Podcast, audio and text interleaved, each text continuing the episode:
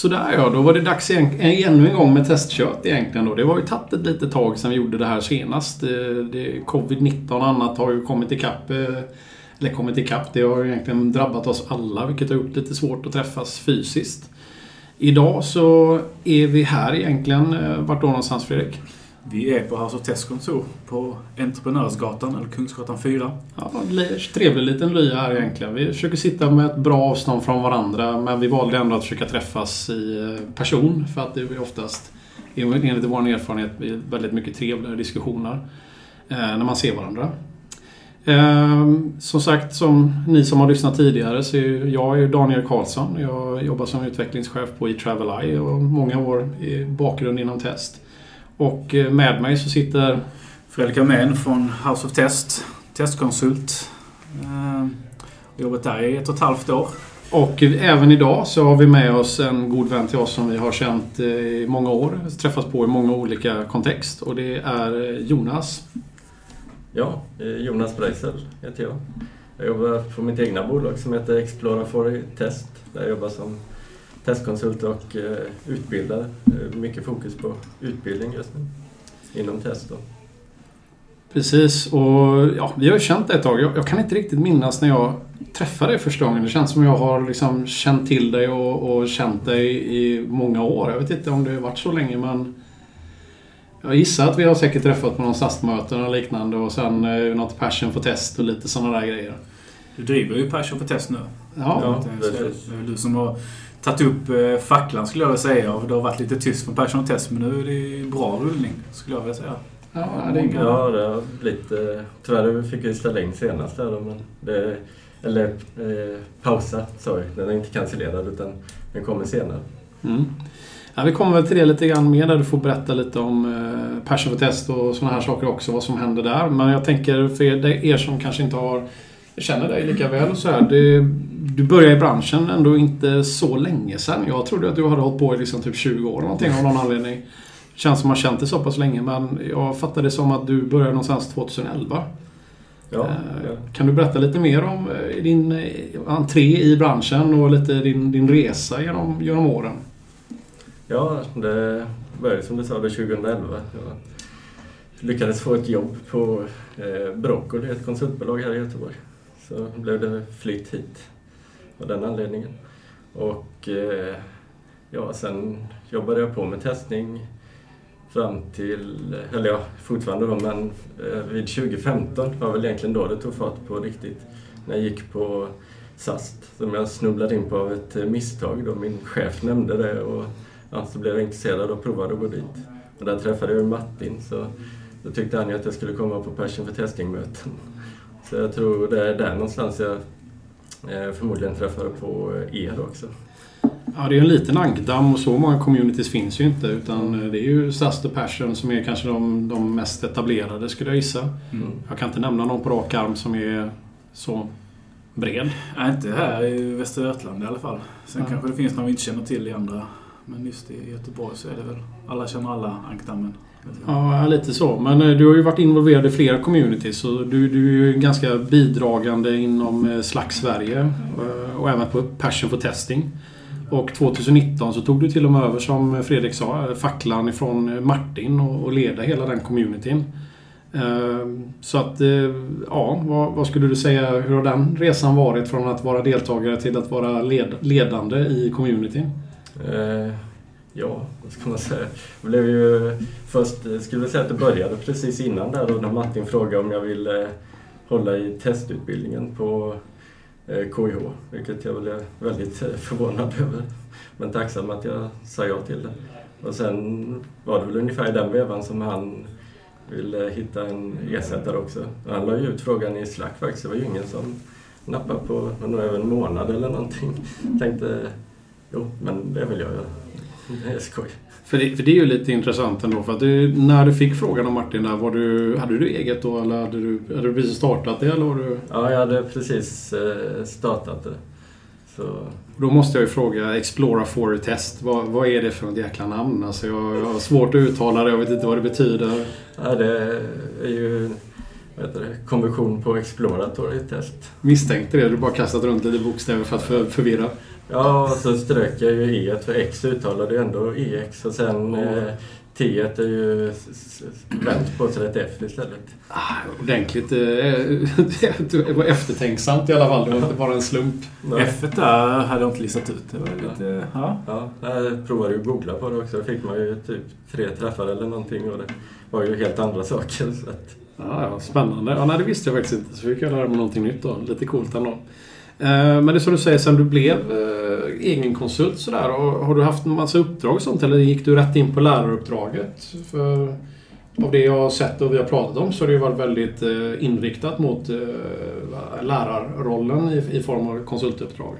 ja, jag började ju på Alelion då, som gör litiumjonbatterier som konsult där. Och ja, fick eh, till deras testning då för de, den var väldigt eh, ostrukturerad innan då. Men, så jag jobbade ju där då i nästan ett år och eh, halvvägs in där då i januari så började ju undervisningen på KIH. Så det var ju två dagar i veckan. Så då var ju där 60 procent på konsultuppdraget. Och nu har det expanderat så du kör även eh, IT, ITHS också va? Ja, jag har kvällsutbildning där i agil testautomatiserare. Och innan årsskiftet hade jag två kurser på Campus Mölndal också. Och även en eh, för TUC Education. Så, ja, Den känner jag inte till. jag hade också en yrkeshögskola i Jönköping och eh, Linköping. Så det var samma utbildning på båda skolorna. Så det, det är heltidsuppdrag som lärare numera då eller? Inte just nu. Nu håller jag på att ställa om lite till egna kurser i mitt eh, bolag då. Så jag har en eh, lanserad på utbildning.se så det kommer fler dit. Ah, Okej, så att, eh, ja, för de som vill lära sig lite mer om olika saker relaterat till test och kvalitet då, så ska man hålla utkik, utkik på Explora for Test hemsidan då eller? Ja, precis. Spännande. Eh, hur känner du, har du just det här med lärandet, alltså just att, att lära ut professionen till med hungriga studenter och, och människor som vill lära sig mer. Eh, är det någonting som du trivs extra bra med eller känner du en saknad över att sitta liksom och, och knåda system själv? Eller? Eh, Jag trivs väldigt bra med det men det är som du säger, man saknar lite att pilla på de riktiga grejerna också.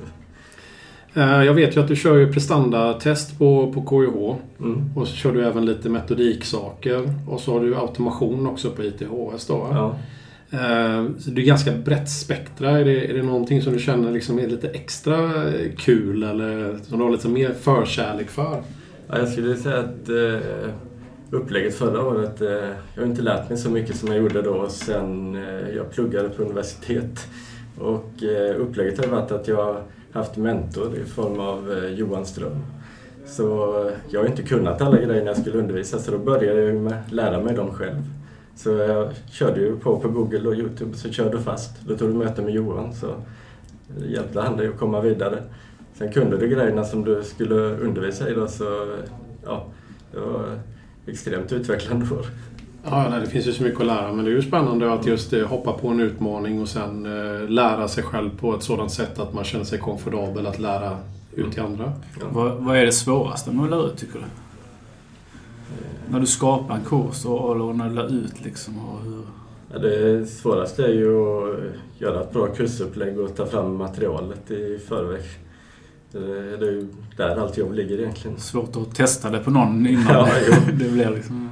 Och även planera lektionerna så. Då, även om du har tagit fram materialet och så här, tycker det är jättebra så. Men du behöver ha en specifik eh, plan för varje lektion känner du att jag insett. Annars blir det lätt att du bara sitter där och inte har något vettigt för studenterna.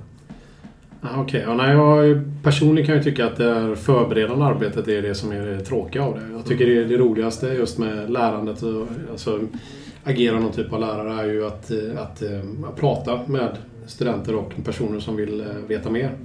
Så just den här vad ska man, mänskliga faktorn att interagera och försöka influera människor. Att, hur, hur man kan tänka och hur saker och ting kan fungera eller hur det fungerar är ju det som ger mig, mig mest energi. Så hur känner du? Är det det personliga mötet som är mest eh, drivande eller är det det här lära sig själv och finna en bra struktur och liksom driva framåt en röd tråd? Och, Jag är ju väldigt nyfiken av mig så att lära sig nytt är ju alltid skoj.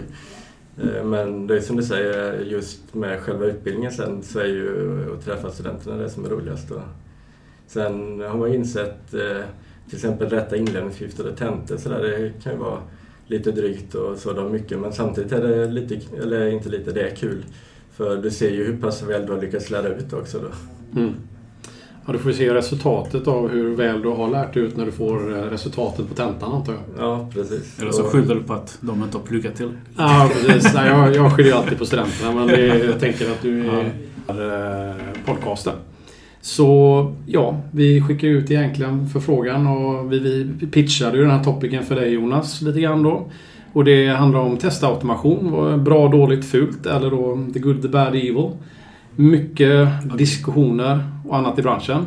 eh, Just kring automation. Det har ju varit på tapeten under ja, så länge jag har jobbat i princip. eh, Hur mycket man kan automatisera bort all typ av test. Och den fortgår och den överlever och den utvecklas och kommer tillbaka igen och så får man börja försvara existensberättigandet för eh, testade team och annan typ av kvalitetsarbete än att sitta och koda någonting i ett eh, testramverk. Jag tror det kan vara hälsosamt att klara den där cykeln.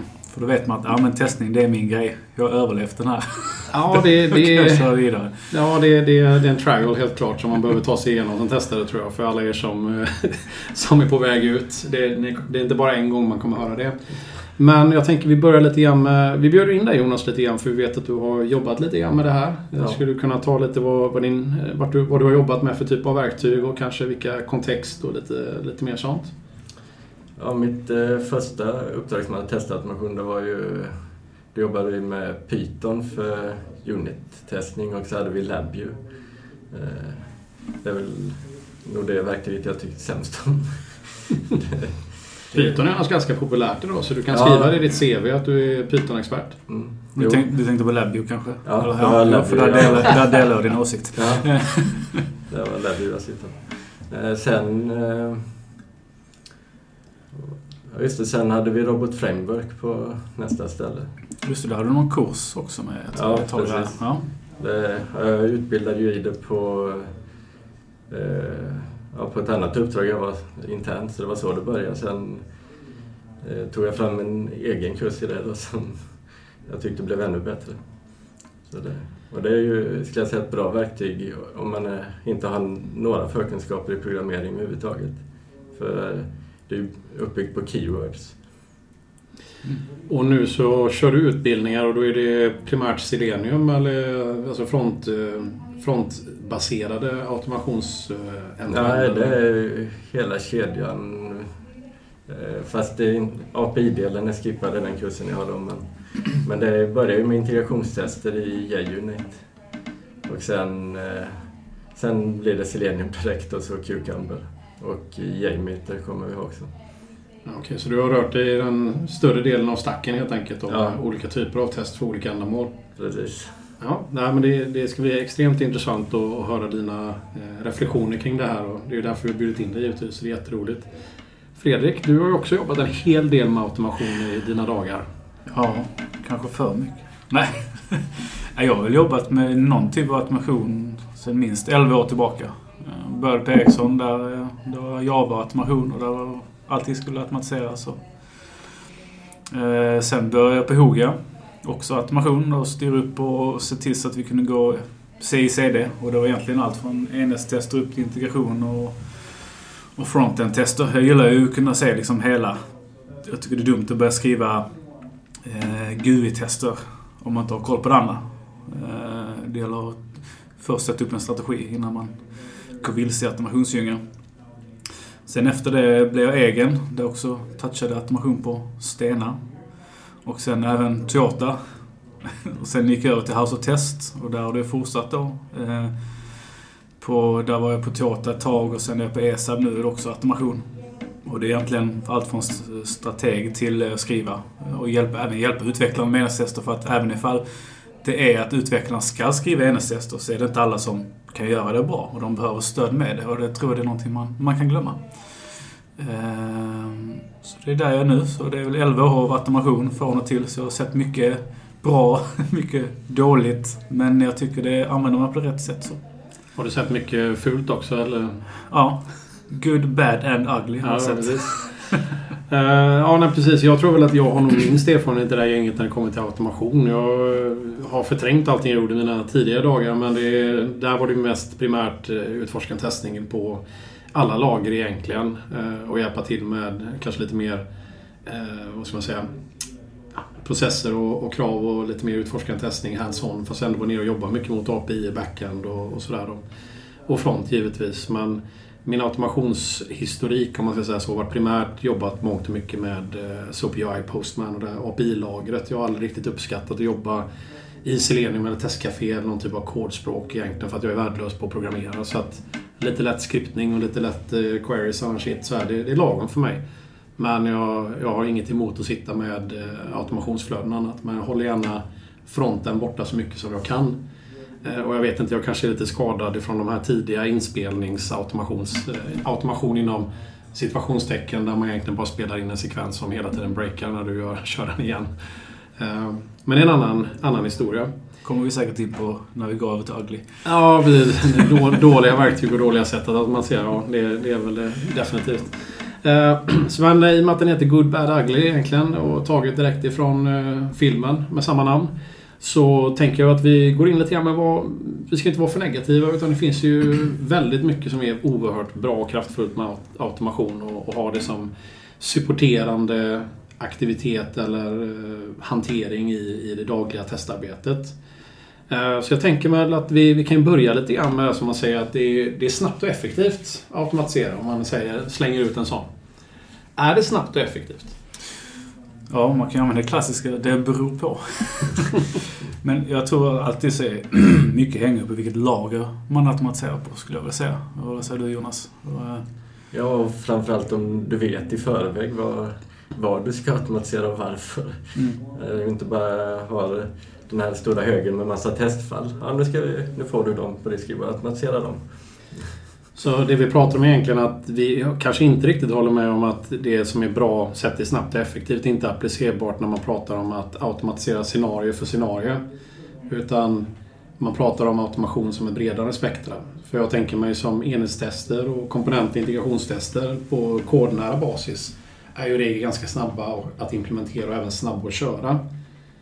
Eh, och i det här kontextet, när man pratar om testare, så brukar det dock oftast röra sig om flödesautomation eller end-to-end i, en form eller annan. Eh, Skulle ni säga att den typen av automation är snabb och effektiv att, att eh, praktisera? Alltså det, det kan man väl tycka. Men sen är det alltså, det tar ju alltid tid. Alltså det beror snabbt och effektivt vadå? Alltså, Mm. det, är inte snabbt, det tar ju längre tid att skriva tester. Eh, Det tar, det tar, tar längre tid för utvecklarna att skriva det. Men i, i slutändan så får de ju tillbaka att de får snabbare feedback och kan fixa saker snabbare. Och att det slipper komma ut längre ut i ledet. Eh, Så det är det här med snabba feedback-loopar. Alltså absolut.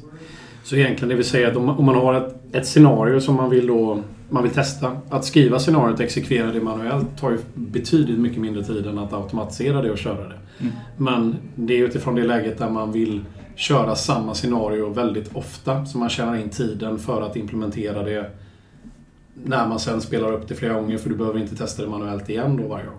Nej, precis. Så det är en långsiktighet i tidsintjänandet. Mm. Ja, det är ju en investering man måste vara beredd, beredd att ta. Och att det är ju någonting, det blir ju aldrig klart heller. Vissa tror att Nej, men nu har vi en story här på testautomation och när den är klar så är det klart. Testautomation är aldrig klart. Det är en del av utvecklingen. Och Sen har du även aspekten eh, när det är säga, extremt tidskritiska test till exempel. Att det måste alltid ske med 0,3 sekunders mellanrum eller att det är ett väldigt långt scenario där det blir väldigt drygt för en människa att sitta och göra de här sakerna. Då är det ju också väldigt lämpligt. Sen, sen finns det ju som property-based testning och liknande inom just automation. Att man testar, det är mer datadrivet att man testar många olika kombinationer av data. Ja, Och där är det ju snabbare och effektivare än att någon manuellt sitter och knappar in jo, precis. specifika värden. Ehm, som sagt, vi, det gör ju att man kan köra de här testerna ofta när man väl har dem automatiserade, givetvis så. Men ehm, vad ska vi säga, när det kommer till tidssparande. Snabbt och effektivt tidssparande behöver nödvändigtvis inte vara detsamma. Eh, är det så att vi automatiskt sparar tid då? Alltså när det kommer till regressionstest, vilket jag pratat om tidigare, att välja ut en, en korrekt sätt av de mest värdefulla regressionstesterna, automatisera dem, låta dem köra, så tjänar vi ju tid. Vad är det vi försöker tjäna tid för att göra istället? Det är också en eh, bred fråga. Eh, Tidssparande i den att om en utvecklare snabbt får feedback att någonting har gått åt helvete, eller vänta fyra veckor, då har du det att visst, det, den kommer fixas oavsett vilket. Men om en utvecklare håller på med något och får snabb feedback, det här är fel, så går det ju oftast snabbare för utvecklaren att fixa just det problemet. Så i den aspekten kanske det är tidssparande att utvecklaren slipper sätta sig in i, i gamla, gamla fel. Eh, tidssparande att det sparar... Ja, det, annars så tror jag att det kostar mer tid. Skulle jag vilja säga. Ja, det vanligaste argumentet som brukar köras med annars är väl att eh, vi ska få bort den manuella testningen, eh, alltså skriptade manuella testningen då, så köra utforskande testning. För att vi ska tjäna tid då på att automatisera. Det brukar väl vara ett vanligt argument. Ja. Återigen det där med tidssparande. Kör du som datadrivet property base så kan du testa tusen olika kombinationer på under en sekund. Och på den nivån, och då snackar vi enhetstester i princip, mm. då är det ju tidssparande ur den, ur den eh, synvinkeln. Eh, men om vi går upp till en, till en GUI-nivå så är det, skulle jag säga, aldrig tidssparande. Mina eh, erfarenheter i alla fall. Ja, jag håller med. Så då, då, säger vi egentligen, men som tidssparande oftast brukar man ju då... Alltså enhetstester, komponenttester som är kodnära kör ju då... Alltså nio fall av tio åtminstone, min erfarenhet, kör ju utvecklarna själva i bästa fall. Ibland med support ifrån testarna för att komma på vilka typer av test man ska göra på enhetsnivå till exempel. Komplettera tester som redan existerar och så vidare. Eh, men den typen av tester som normalt sett, eller oftast kör av en testare, är ju då just end-to-end och eh, på frontnivå eller ibland då API-nivå. Så det vi säger är att i alla fall att tidssparande kan vara applicerbart på de lågnivå automationstesterna som körs. Eh, när det är i form av att man gör multipla eller extremt många tester samtidigt eller vid snabb frekvens så att vi ja, kan göra extremt många tester samtidigt på väldigt kort tid. När det kommer till de här end-to-end-flödena så handlar det om att någonstans få bort regressionstesterna som manuellt utförs för att då ge oss tid till andra typer av test. Mm. Som vi anser vara mer värdefulla som tester oftast, det vill säga utforskande tester och andra typer av illity-tester och annat sånt där som, som vi vill foka på mer.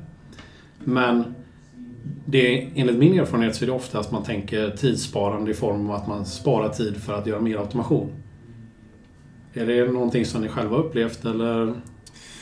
Nej, alltså det med tidssparande också. Visst, alltså om du kör GUI-tester parallellt 200 testfall så visst, det, det är ju tidssparande. Det går ju snabbare att köra dem automatiserade än manuellt. Men det tar ju fortfarande längre tid att skapa dem. Så där är de inte tidssparande.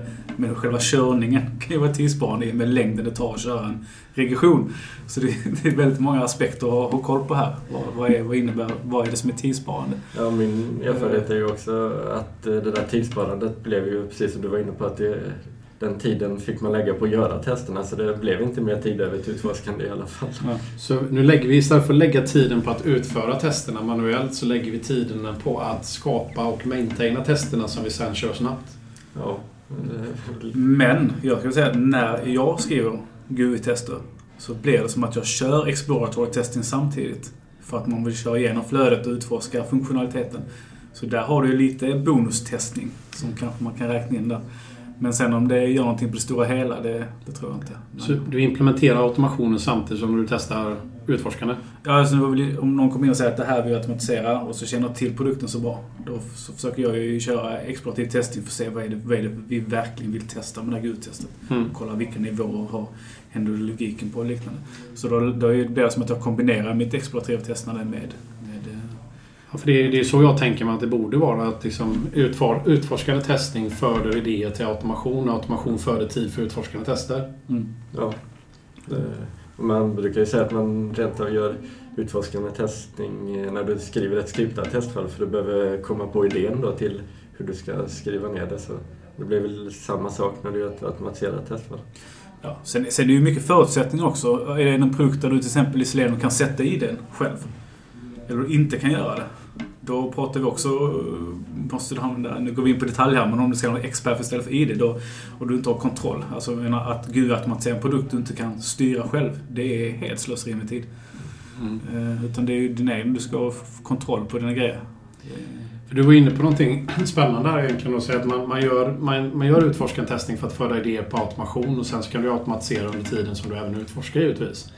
Men samtidigt så vill du ju då plocka bort många av de här sakerna som du gör när du utforskar. Dels för att det inte går att automatisera på ett smart sätt och ibland för att det inte ens är relevant att automatisera. Hur, om, om du försöker automatisera allting som du försöker, har utforskat dig fram till att det, det här går att göra. Hur gör man avvägningen kring vad du bör göra? För du vill ju inte automatisera in all, all typ av test du gör för då kommer vi ha automationsflöden som tar sex dagar att köra i slutändan ändå. Mm. Ja, där tycker jag man ska ha en dialog. Eh, alltså man får själv avgöra med sin erfarenhet samtidigt. Vad är, det, vad är värt att automatisera? Och är det ett test som jag säger, ja, jag har gjort, kört det här explorativt. Eh, det tar mig 10 sekunder att köra men det tar mig för lång tid att automatisera. Så kan man, ja, men det kanske inte är värt att automatisera överhuvudtaget. Ehm. Um. Ja, något vi kört med på många ställen jag har varit på är att eh, när man gör utforskande testning då och så hittar man någon allvarlig bugg där att ja, då får vi skapa ett regressionstest för det som vi körde automatiserat för vi vill inte att det här ska uppstå igen. Mm.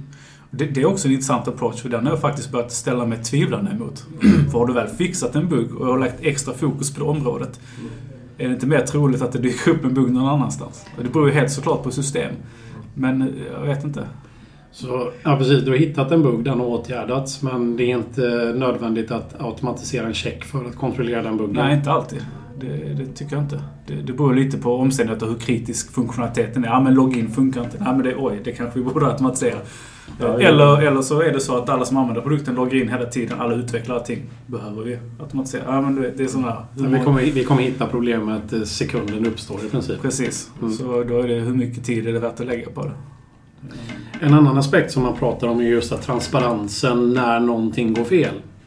Det vill säga att om ett automattest har kört och det failar så får man en snabb respons på att någonting är felaktigt. Och att på så sätt så är det väldigt eh, vad ska man säga, uppenbart och tydligt att någonting är fel. Och på så vis så hittar man felen snabbare. Är det någonting som vi ser som en, en, en uppsida med automation? Att det skulle skapa på något sätt ett, ett snabbare, eh, vad ska man säga, hanteringsflöde utifrån att någonting är fel på grund av att man, råkar, att man har automatiserat den här typen av saker. Går ett fel snabbare att åtgärda eller belysa för att det är automatiserat kontra att en testare faktiskt har hittat det under testning exempelvis? Ja, det blir ju en intressant aspekt där. För man brukar ju prata om fail och error. Om det har blivit fail då, då är det ju något som är fel i själva testkörningen. Om det blivit error då är det ju som, jag tror du är inne på, fel i koden. Men om det har failat så kan du lägga väldigt mycket tid på att komma fram till vad är det som har gått snett. Fast, eh, för det är själva testautomationuppsättningen som det är fel på, inte, inte koden. Ja, nu är vi inne på det ugly lite grann. det var det ja, vi, vi, ska undvika det så, så länge vi kan i alla fall innan vi kommer in på de bitarna. Svårt. Det är svårt att inte ta dem i samband, jag håller med dig. Uh, nej, men jag tror väl den bästa av världar så kan väl transparensen i sig för bli bättre på så vis att om du har larm och liknande i form av att man kör de här i form av ett bygge eller man har larm till Slack eller vad det nu kan vara för någonting så blir ju teamet triggat direkt när någonting går fel. Sen kan ju felet bero på ett, eh, ett felaktigt strukturerat test eller att testet behöver uppdateras på grund av en funktionalitet som är korrekt har, upp, har, har gjorts på ett annat sätt. Eller det kan vara att en, en bugg har smugits in eller vad som helst i ett befintligt flöde. Ehm, men samtidigt är det ingen som gör någonting med det fallerade testet så spelar det ingen roll. Och jag tänker mig om du sitter och testar någonting så är det klart att då kommer ju samma sak ske. En testare talar om att någonting, det här verkar vara fel och så får man titta på det. Så det är ju egentligen bara att man hittar felet egentligen i en regression som sker automatiserat. I andra fallet så hittar man någonting under utforskning och test. Då. Ja. Eh, Jo, säga de ställen jag varit på där man inför testautomationer från inte haft någon, så har man ju haft eh, fördelar av, som du var inne på, att man får respons snabbt och på att ja, något gått snabbt, då behöver vi titta på det. Så jo, det finns ju fördelar också. Precis, och det blir ju någon typ av loggning eller monitorering på eh, ett, ett, eh, ett beteende som kanske inte är önskvärt i systemet. Så att det blir ungefär Lite samma sak som att du loggar då null pointer exceptions via någon typ av loggningsverktyg som Kibana eller liknande. Eller, så det är egentligen att man får attention på ett automatiserat sätt egentligen. Ja. Automation och loggning och övervakning går ju väldigt mycket hand i hand, skulle jag vilja säga. Också. I alla fall när det kommer till transparens då. Mm. Det är ju det är svårt om du inte vet vart... Ja, du aldrig får reda på att någonting har gått sönder så kommer du inte få reda på det liksom. Ja. Ett antal ställen jag har varit på har man ju varit väldigt få och jag har varit ensam testare till och med. Så där. Och då har det ju varit bra med automationen också eftersom det blir så lite testning när du är en person som testar. Precis. Ehm, ja, men så man fortsätter det här då liksom med bra-spåret. Som, som sagt, det, det finns både, både pros och cons och vi kommer ju liksom till de sakerna som kanske är mer eh, problematiska. Men det vi säger är ju någonstans att ja, det kan snabba upp och effektivisera vissa typer av moment för testaren. Men det kan ju då, som vi kommer säkert fördjupa oss på i nästa eh, fas, eh, kan kosta mer tid att maintaina och fortsätta bygga på ett automationsramverk som tar tid ifrån utforskande testning när vi egentligen tänker att vi vill frigöra tid för utforskande testning. Så det är lätt att man hamnar i en, en cirkel där man egentligen bara i slutändan jobbar med automation. Eh, tidssparande, samma sak där. Att exekvera dem, det beror på vilken nivå man automatiserat i. Eh, kostnadseffektivt, det kan vara svindyrt med automationsverktyg. Att maintaina dem konstant kan ta väldigt mycket tid, det vill säga kosta pengar. Eh, men det kan ju även då bidra med att man effektiviserar vissa typer av testning vilket gör att vi sparar tid istället. Transparens. Det beror på som sagt att det, transparens kan man ju få utifrån att någonting går fel eller någonting hittas. Det är snarare hur man medvetandegör att någonting har skett. Och det kan man göra automatiserat när det sker men det är ju samma sak som att en testare egentligen eh, talar om att någonting har gått fel. Eller att man får en ping i produktion i värsta fall att någonting har skett i produktion. Så det är egentligen som du säger då Fredrik, det är monitorering, larm, automation, synliggöra saker och ting egentligen som sker i våra system och tester som körs och allting som är väldigt tätt kopplade. Jag skulle vilja lägga till en till på Good faktiskt. Jag skrev en bloggartikel för eh, ett bra tag sedan om min erfarenhet av Behogia. Där jag började skriva ett automationsramverk och sen var min tanke då, det blev så, att utvecklarna skulle ta över det helt och hållet. Och de var ju jävligt skeptiska i början. Ska vi skriva ett... Och det här var integrationstester då, så det var deploy acceptance-tester och integrationstester då. Liksom, även tester när det kom till en ny miljö och liknande då. Det, det slutade ju med att de, när de skrev dem så testade ju de sin kod mycket mer.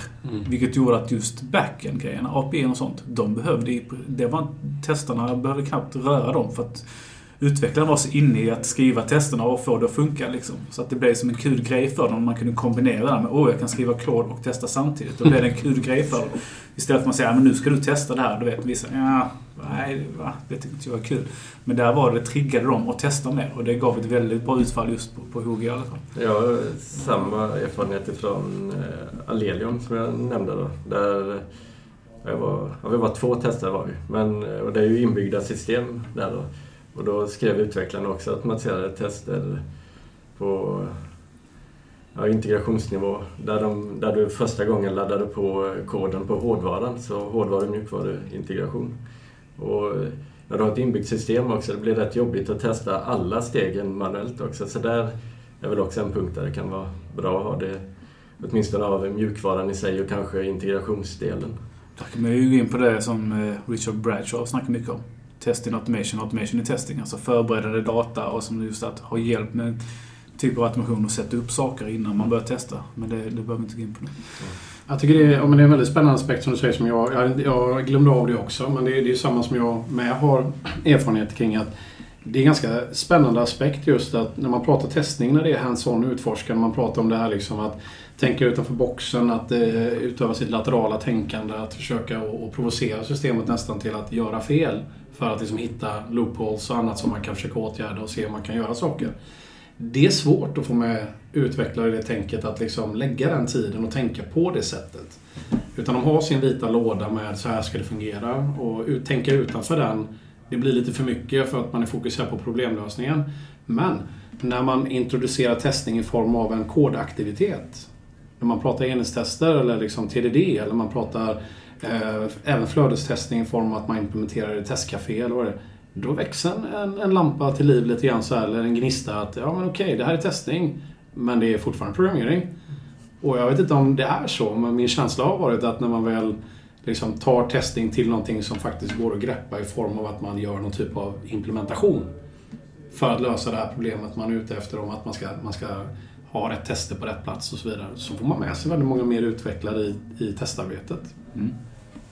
Så att det, det är lite, jag har inte tänkt riktigt på det innan du sa det, men det, det är faktiskt sant att det, det kanske är en god del också. Att Ja. man väcker intresset till liv för väldigt tekniska individer som jobbar med implementation och problemlösning. Att skifta fokus till att lösa problemet med att vi behöver ha tester som är automatiserade. Och, och där, där pitchade jag även för utvecklarna att ja, men tänk du skriver testerna och du ser, du är den enda som ser att det är en bugg. Du fixar den innan någon annan ser den. Du, det beror ju på kultur på stället såklart. Men vi ser sådana, ja men då ska skrivas en buggrapport och ja men nu blir det jobbigt liksom. Men där var det, ja men de, de failade och då kunde de rätta dem själva och det var som ingen som såg att det hade felat. Så det eh, var också- på Allelian som jag nämnde då, där var ju att de fick eh, feedback väldigt eh, snabbt också för annars dröjde det rätt länge innan någon testade det på ja, slutprodukten så att säga. Så, så snabba feedbackloopar är absolut en good som, är, som jag ofta trycker på inom automation. Eh, Precis, och kan man, kan man få med sig utvecklarna i hela det här tänket så har man ju vunnit väldigt mycket. Mm. För oavsett vad man tycker om sig själv och sin kompetens kring testning så gäller det ju samma som med testning som med programmering. Att vi är oftast de som är experter på testningsprofessionen. Men jag skulle säga att vi sällan är bättre programmerare än de som jobbar som programmerare. Precis.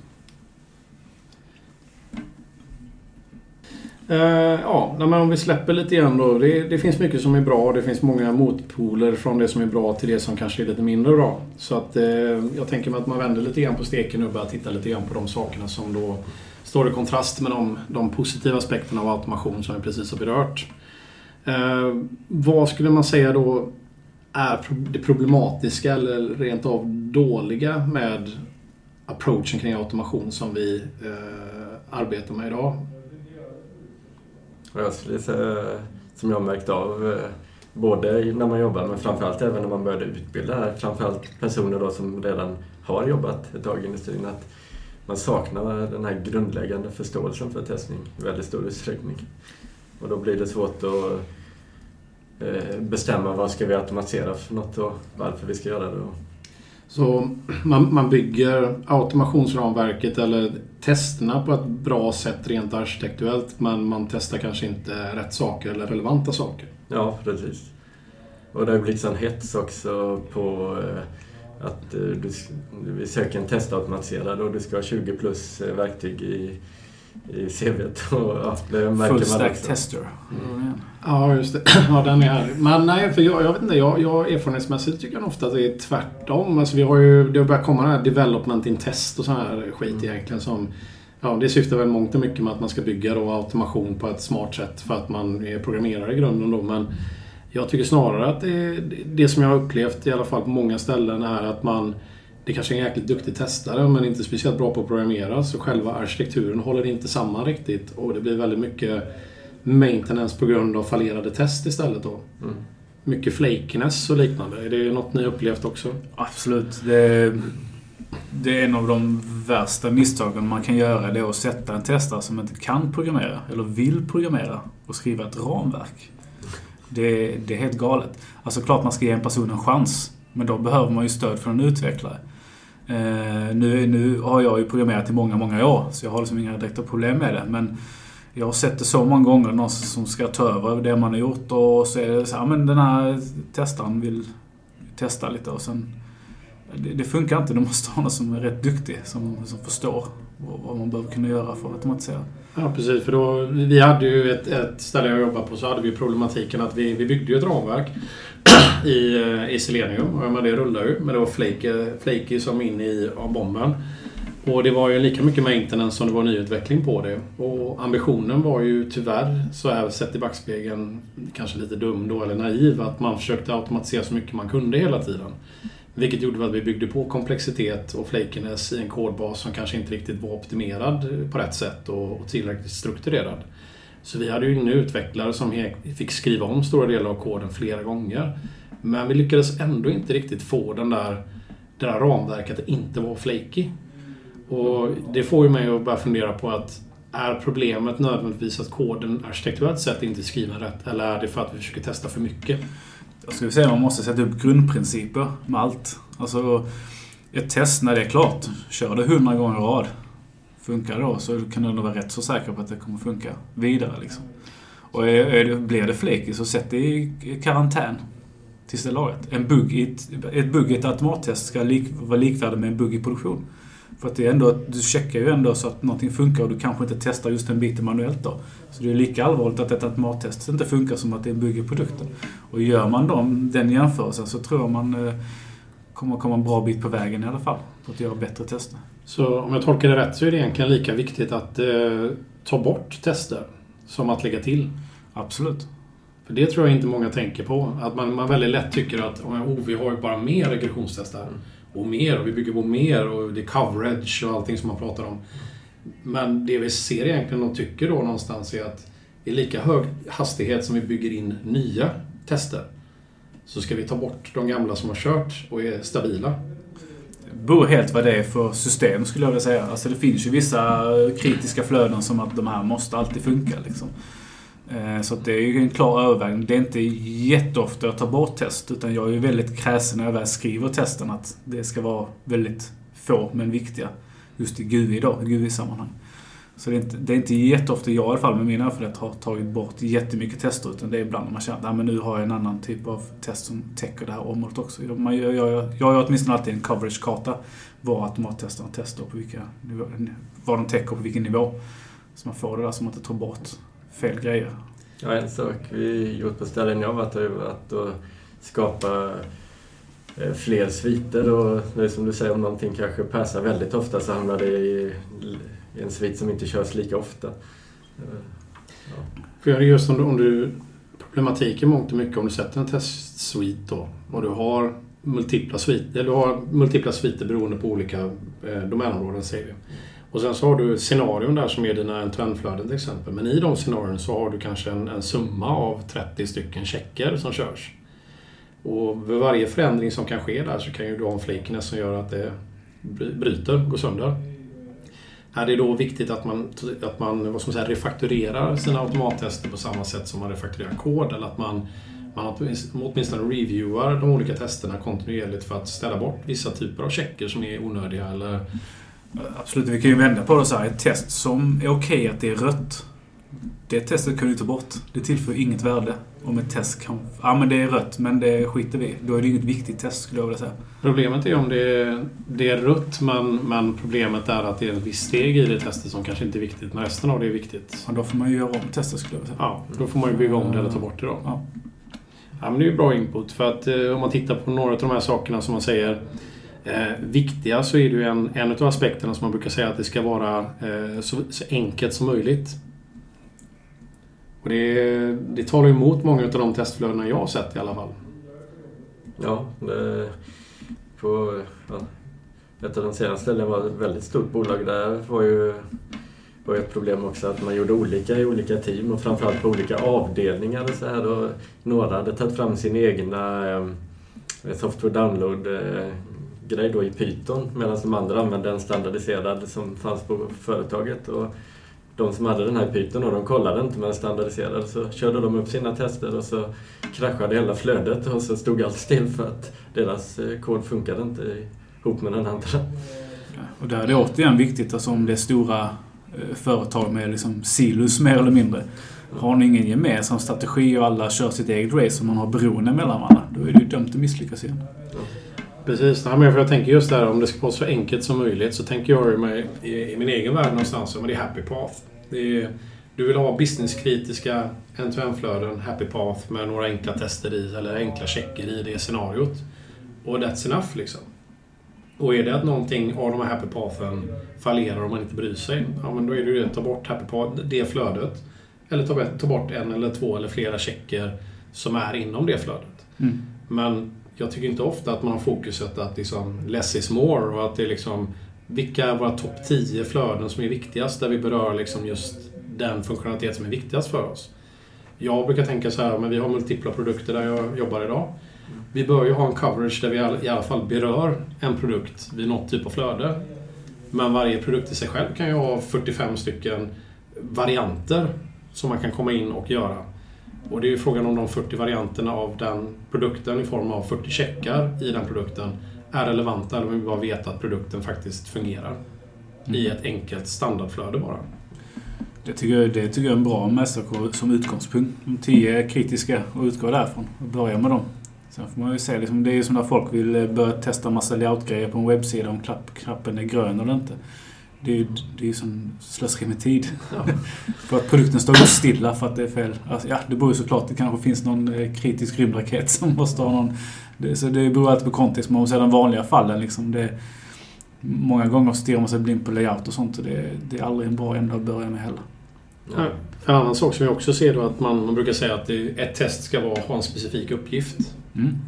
Är det någonting som ni ser ofta när man, när man bygger automatiserade testflöden och liknande? Har det testflödet en specifik uppgift den ska testa? Eller är det multipla saker i samma flöde? Ja, jag skulle säga att man... Det brukar nog finnas, som du säger, en tanke att det ska vara bara en grej, men det brukar bli flera i slutändan i alla fall. Jag är väldigt mycket, om vi går in på Trims då, om vi kan bara nämna den som Richard Bradshaw här. Eh, liksom, Trims då i T, det är targeted. Target to a specific risk and automate on the lowest layer the testability allows. Det är riktigt bra riktlinjer skulle jag veta. För om du inte vet varför, vad är det som inte funkar när du kör ett automattest? Då är ju helt, vad är det för mening att köra med då? Det är ju ingen gissningslek vi håller på med. Mm. Vad är det du testar? Det är jätteviktigt. Ja, där är också se till att testa en sak i ditt test och inte flera saker i samma test. För då är det som du säger, då vet du inte varför det failade. Ja, sen kan du ju såklart ha checkpoints som ändå liksom bidrar med information. Men vad, vad, är, vad är det för funktionalitet kunden inte kommer kunna använda om det failar? Det är där, måste ju kolla på kundnyttan igen liksom. Precis, och det är det jag tycker också är spännande för då kommer vi in på det här som du säger att eh, den lägsta nivån av teknikstacken som är eh, testbar. Mm. Det är ju det Bradshaw säger egentligen. Mm. Men det betyder ju någonstans att innan vi gör ett end-to-end-test egentligen så bör vi då titta på att har vi ett end-to-end-test med x antal checkar i sig. För varje check så bör vi i sådana fall gå ner och titta på har vi den representerad redan i ett enhetstest eller komponenttest. Mm.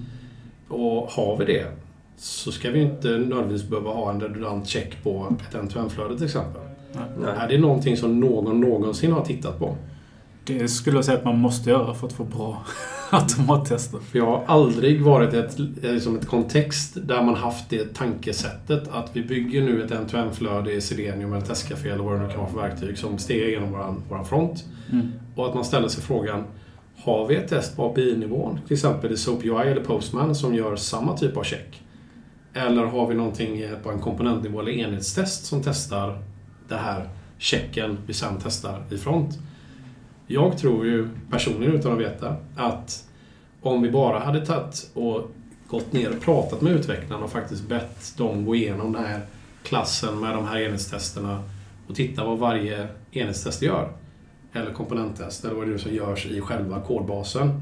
Så hade vi nog antagligen kunnat döda en hel del end-to-end-flöden och annat som vi faktiskt har som redundanta tester fast på ett annat lager. Vad, vad, vad ser ni på det? Jag, jag aldrig, det du säger nu är för mig bara wow.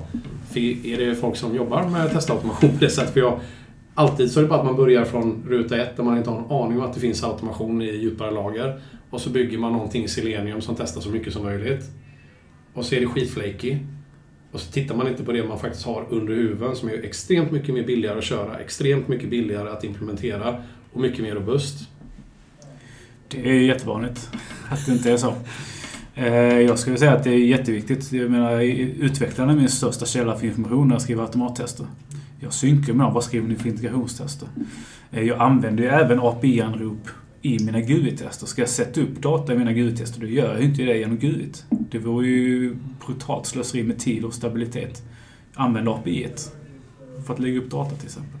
Så där, det missar ju många också, att du kan använda olika nivåer för att skapa ett end-to-end-test också. Så sådana grejer som jag har sett då när man kör ett Selenium-flöde till exempel och i Selenium-flödet så går man ner och jämför responsen från API och jämför med vad som syns på frontend. Då skulle jag säga att är det, då, vad, är, vad är det du vill testa? Är det integrationet från klienten till eh, servicen? Eller vad är det du vill testa? För att jag menar, ska du testa på det som hamnar i databasen, då får du ju testa mot API. Mm. Varför skulle använda- testa mot GUI då? Det är, det är ju slöseri med tid. Av någon oklar anledning så var i alla fall responsen att man vill jämföra det som kommer ut från API då i form av respons kontra det som visas på skärmen i form av information då i princip. Ja, då finns det ju även kontraktstester, men det är en annan. Alltså om man nu vill. Och det roliga i det där är ju problematiken då, som jag säger som en liten side-note. Det är ju det att normalt sett i många bolag jag har varit i och även nu, nu i nuvarande, är ju att man har ju ett, eh, ett crossfunktionellt team. Problematiken där är att det inte alltid är görbart eh, effektivitetsmässigt att samköra en frontendutvecklare och en backendutvecklare i samma story. Så det blir att de jobbar på två olika parallella stories, en back och en front. Och sen blir det ena klart före det andra och sen merchar man in det. Drar du in backen först så eh, spelar inte det så stor roll för det kommer ju aldrig finnas tillgängliggöras i front, eh, i front sen när det kommer ut förrän den leverabeln kommer ifrån front. Kanske två, tre dagar senare. Så när man kör automattestet och gör en jämförelse med någonting som man har automatiserat test för API och ska jämföra vad som sker på front så blir det ju mismatch där. Och så breakar testet. Så att eh, göra den typen av jämförelse mellan lager i form av inf information, vad som visas kontra vad som tillgängliggörs, känner jag ju att det är ganska meningslöst. Eller... Ja, det går ju... Alltså, ibland har man ju en controller som går mot det och då kan man kolla där så att datan hanteras rätt. Sen är det ju bara själva integrationen mellan GUI och nästa komponent du vill testa. Du vill inte testa från GUI till databasen alltid. Nej. Beroende på system. Alltså det, det, jag har jobbat mycket med webb så jag tar ju mycket referenser därifrån. Det finns säkert mycket med hårdvara och sånt som inte alls ja, går att applicera på det här. Så alltså, det en, enda vi inte får säga på här, den här podcasten är att det beror på kontext. Jag tycker att det är en ny regel nu. Men eh, erfarenheten från inbyggda systemen som jag jobbat mycket med har ju varit att på mindre företag där har det ju funkat betydligt bättre. Det du var inne på med att prata med utvecklaren och säga att man har koll på vad, vad man testar för något. Och så här. Men så fort du kommer till ett större bolag då har man ju inte koll längre på vad som testas på olika ställen och då blir det ju mycket dubbeltestning också. Och då kommer man in på process och kommunikation. Mm, mycket, liksom. Men så det vi säger egentligen då att eh, enligt vår erfarenhet så är det mer eh, sällan än ofta, om man nu ska säga så, att det är ett så simpelt test som möjligt. Att det är extremt tydligt vad det ska göra. Den har en, en specifik uppgift som den ska testa och Eh, att det inte finns några duplikat på grund av att man har koll på vad man testar på lägre nivåer. Det är, det är så man borde se till att det är, men det är sällan så det exekveras. Mm. Eller har ni andra erfarenheter kring att det är är det bara jag som tror att det här är sällan vi tänker på de här sakerna? Eller är det... Ja, min erfarenhet är som ni nämnde med små bolag där de grejerna har kunnat funka bra. Och framförallt när man varit med och introducerat testautomation så har man varit med och påverkat redan från början. Så i princip är det det vi säger då att om, om man har börjat tänka rätt från början, att man har tagit in expertis som har det här tänket och man har byggt det från, från scratch, så har man en god möjlighet att kunna liksom ha en bra approach, en bra strategi kring testautomation. Ja. Ja. Men är det någonting man tar in i ett befintligt storbolag där det är någon som säger att vi bör automatisera så mycket som möjligt. Text, testtäckning är en bra grej. Och så bygger man någonting utifrån det som finns där. Så finns det en, en, en överhängande risk att man överkomplicerar saker och inte egentligen har koll på vad vi redan har för tester. För att det syns inte på samma sätt som ett, ett, eh, frontautomation eller... Det kan ju vara att backarna görs av ett annat team som inte ens är i samma bolag. Alltså att man köper in backen och då blir det ju svårt. Så att där har vi ett annat scenario. Då, då kan jag förstå att man kanske lägger lite mer tyngd på GUT-testerna för det är det enda man har. Och även integrationerna då såklart. Jag tänkte precis Men, säga samma sak om eh, ja, st större bolag jag varit på som köper in väldigt mycket mjukvara från andra länder och inte en aning om vad de kör för tester där. Nej. Och där, där är ju kommunikation av och vissa tredjeparter är bättre på det än, än andra. Liksom. Mm. Och varit, om man har tredjepartsberoende och de säger inte ens till när de byter version i, i produktion och så smäller det. Liksom. det. Mm. Så där, där, där är det svårt att...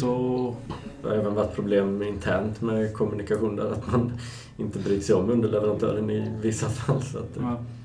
Men eh, om man då säger som sagt, vi, när man pratar om TDD så har jag i alla fall hört talas om att ja, vi jobbar TDD så får man automatiskt 80% test coverage ungefär på, på enhetsnivå. Ehm, och om man nu leker med tanken att det skulle då kunna vara att man kan få 100% coverage. Och det är ju code coverage då, inte, code coverage, inte ja. test coverage. Nej, code coverage. och om vi sen går upp då till, eh, till övre nivåer, säger API och front, och där vi verkar ofta som, som testare. Och vi någonstans skulle säga leka med tanken att vi kan ha 100% eh, test coverage. Kan, är det någonting som vi någonsin skulle kunna få med automation? Är det, är det ens görbart? Är det ens... Inte idag. Nej. Inte idag. Vad är, vad är 100% testtäckning? Nej, alla tester som någonsin går att göras eh, är automatiserade. Och hur vet man hur många som ska göras? Ja, det är en bra fråga. Ja, men du får ju in så många aspekter som vad kommer användare göra med produkten? Och, och så här då, ja, om det är webb som vi pratar om nu så, så har du ju synskadade personer också. Så här. Och, ja, och så vidare. Så det är så många konstiga användarscenarion som är väldigt svåra att förutse. Ja, Okej, okay. så det, det vi säger egentligen att det är i princip omöjligt att kunna på något sätt proaktivt förstå alla typer av cases som vi kommer kunna stöta på. Ja, ja det kan vi vara överens om. Kommer vi kunna nå 100% med form av automation och utforskande testning då? Jag gillar ju inte att säga 100 procent. Jag vet att fiskar här va? det är inte ens med manuell testning kunna få 100 procent. Man får göra en risk, avgörande riskanalys. Liksom. Vad är det vi kan leva med och vad är det vi vill fokusera på? Och hur skulle vi säga att utforskande testning och automation kompletterar varandra i form av att testa så mycket som möjligt? Eller? Tester, automattester är ju checka. De, gör, de kollar på det du vill göra och de gör det snabbt. Men mm. de gör inte annat. Vi pratar om ordet serendipity. De, mm är det händer något annat någon annanstans så skiter automattestet totalt i det. Utan där är det mänskliga faktorn. Ett bra exempel är ju lite som du var inne på förut då, att om Gud har bytt färg och du inte har någon check på det då kommer inte automattestet fånga det. Du som människa kommer se det direkt. Mm. Det. Så om, någonting, om, om det går att göra någonting konstigt så kommer det att förr eller senare uppträda. Ja. Nej, vi har, det jag försöker leda in oss på lite grann är väl någonstans medvetet mot eh, Richard Bradshaw once again egentligen när det kommer till fartmodellen. Och ja, Whiteboard Tester egentligen YouTube Fart Model. Och det står för, står för Flawed Approach eh, Towards Regression Testing. Och det just visar upp på ett väldigt eh, som pedagogiskt sätt kring just det här omöjligheten att nå någon typ av 100% coverage. Att ens ha en approach där man tror sig kunna automatisera bort eh, all typ av testaktivitet och även omöjligheten i att kunna förutsätta alla cases som man kan testa och problem som kan uppstå via utforskande testning. Eller ens i en kombination med båda. Och nu är det en podcast så det är ju svårt att liksom, egentligen vill man rita upp men eh, som sagt sök eh, Whiteboard Tester, Richard Bradshaw, Fart Model. Eh, kort det det går ut på är ju någonstans att du, du, du har din automationssuit, den testar X saker. Utanför det så har du din kunskap. Och utanför det så har du systemet. Men systemet kommer ju alltid växa i form av att man implementerar nya funktionaliteter och gör förändringar. Din kunskap kommer ju hela tiden växa med systemet men kommer ju aldrig komma ikapp. Du kommer ju aldrig förstå hela systemet. Det är ju mer eller mindre omöjligt om du tar ett extremt litet statiskt system, vilket inte är normalfallet. Och automationen kommer ju sen implementeras och förfinas utifrån din kunskap som du tillförskaffar dig. Men du kommer aldrig komma ikapp. Vilket gör att scenarier som behöver testas eller ny kunskap som uppstår eller rättare sagt även luckor i din kunskap eller luckor i systemet som inte berörs av någon typ av test kommer ju alltid expandera. Så det påvisar någonstans att vi aldrig någonsin kommer kunna hitta allt eller kommer kunna ha tester för allt. Utan det handlar ju om att ha en smartness i din approach för att kunna fokusera på det, det som är mest eh, värdefullt. Den typ av test som ger mest. Och jag tror att den typen av test sällan är automation. Och det är därför jag tycker att den här inställningen med att automation ska frigöra tid till andra aktiviteter som bidrar till hög kvalitet borde vara mantrat. Automation ska vi inte hålla på och jobba med för att föda mer automation. Det är, det är där jag tycker att vi fallerar som industri. Och att vi väldigt sällan, om någonsin, tittar på vilka tester vi faktiskt redan har. Vi tror att vi börjar från en, en liksom blank whiteboard utan någon typ av automation när vi väl börjar introducera ett nytt verktyg. Men det är ju inte sant 99 fall av 100. Jag tror att det är väldigt få bolag som har en kodstack utan ett enda enhetstest idag. Nej. Men sen är det inte säkert alla NS-tester är bra heller. Det är ytterligare en sån där grej eh, med just det där att utvecklaren ska skriva NS-testerna. Men det är, jag har mött många utvecklare som känner sig jävligt osäkra på det och inte vet vad de ska testa med NS-testerna. Så det tycker jag absolut man ska kunna grotta ner sig som testare också. Man behöver inte förstå kod, man kan diskutera. Ja, det är bra om man förstår kod. Men man kan diskutera det med testarna. Sen tror jag det är bra också om nu där man är, de inte förstår skillnaden mellan test och automation. Test inversion checking är ju en jättebra artikel att diskutera kring just vad är skillnaden på en check och ett test. Förstår man väl det så kommer man inse att det går ju inte att automatisera allt. Eller antingen förstår man det eller så vill man inte förstå, skulle jag säga. Mm. En annan intressant sak på det du var inne på också där Daniel, är ju om man vill ha så stor täckning som möjligt. Det, det är ju att bestämma innan du börjar testa, oavsett manuellt eller automatiserat, vad är det vi måste eh, testa? De här sakerna är våra must-haves. Det här måste alltid funka. Och bestämma det först innan man börjar, börjar göra en massa tester och, och grejer. Då kan man ju välja ut att det här automatiserar vi, det här bör vi köra utforskande testning på. Ja. Och då är det den coveragen man kommer nå. Grejerna utanför där sen, de, ja, de får vi lämna. Precis, och jag, jag tror väl att det, det är väl en någonstans, vad ska man säga, jämförelsen som sagt, vi, vi pratar ju, nu har vi pratat lite grann om både good och bad. Och om man nu ska dra ihop de två så är det väl så att vi har ju två sidor av samma mynt egentligen allting. Att ja, om, om du automatiserar på ett smart sätt så kommer det gå mycket snabbare att göra de tråkiga regressionsövningarna som kommer ge feedback mycket snabbare. Samtidigt om vi missbrukar det och bygger ramverket på ett felaktigt sätt eller bygger på för mycket eller det är för mycket redundanta tester så kommer det föda maintenance, vilket kommer kosta mer tid, vilket kommer göra att vi behöver automatisera mer och maintaina mer som kommer ta tid ifrån andra aktiviteter där vi kan generera värde som testare. Exempelvis behovsanalys, krav eller eh, exploratory testing eller en mängd andra saker som bidrar till kvalitetsförbättringar i och runt omkring teamet. Um, och det, det, är ju, det är ju samma sak när man pratar om värdet i, i liksom vilken approach du har kring automationen när det kommer till vad är viktigt egentligen och vart testar vi det någonstans på rätt sätt? Kan vi komma fram till det så kan vi antagligen begränsa oss väldigt mycket kring vad vi försöker göra vilket ger oss mer tid till andra aktiviteter. Så det känns som alla de här sakerna på något sätt hänger ihop både good och bad i, i allt. Eh, och vi kommer aldrig kunna ha development in automation som sitter och automatiserar all typ av testning. För det är inte görbart. Och jag tror inte heller att vi kan ha ett företag där vi inte automatiserar någonting. Nej, det tror inte jag heller. Utan jag tror på samma sätt som man behöver ha en bra approach kring utforskande testning kring vad är relevant och hur jobbar vi med det. Och det kräver mycket träning. Så är det samma sak, man kan inte automatisera allting som man kan automatisera för det är helt enkelt inte relevant. Mm. Ja, en bra summering.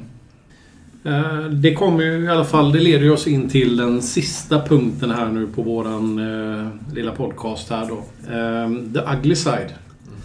Den, eh, den fula sidan av eh, automation.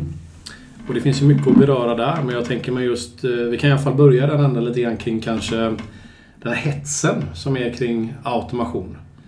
Jag upplever ju någonstans att har du inte rätt verktyg och att du har någon typ av automationsbakgrund eller eh, utbildningar och liknande så, så är du inte attraktiv i princip att anställa från bolagen. Eh, ni som är konsulter, är det någonting som ni, ni uppfattar också? Eller? Ja, det, jag märker ju märkte av det ännu mer nu när jag började undervisa, då, framförallt den här ut, utbildningen i testautomation, att en del eh, läser ju utbildningen bara för att de ska få testautomation på CVt. Ja, för att det krävs. Det, det, är en enorm hets. Jag, vet, jag skickade ju ett eh, uppdrag till dig där. Nu, jag vet ju inte vilket bolag det var heller så det går inte att peka ut det. Men du skulle kunna sex programmeringsspråk, varav två skulle du kunna bra. Eh, du skulle rodda eh, alla testare också samtidigt. Vara testledare samtidigt. Ja. Eh, du skulle kunna Kotlin, Android och eh, Apple. Alltså eh, app och automation där också. Du skulle också testa manuellt. Du skulle styra upp alla processer.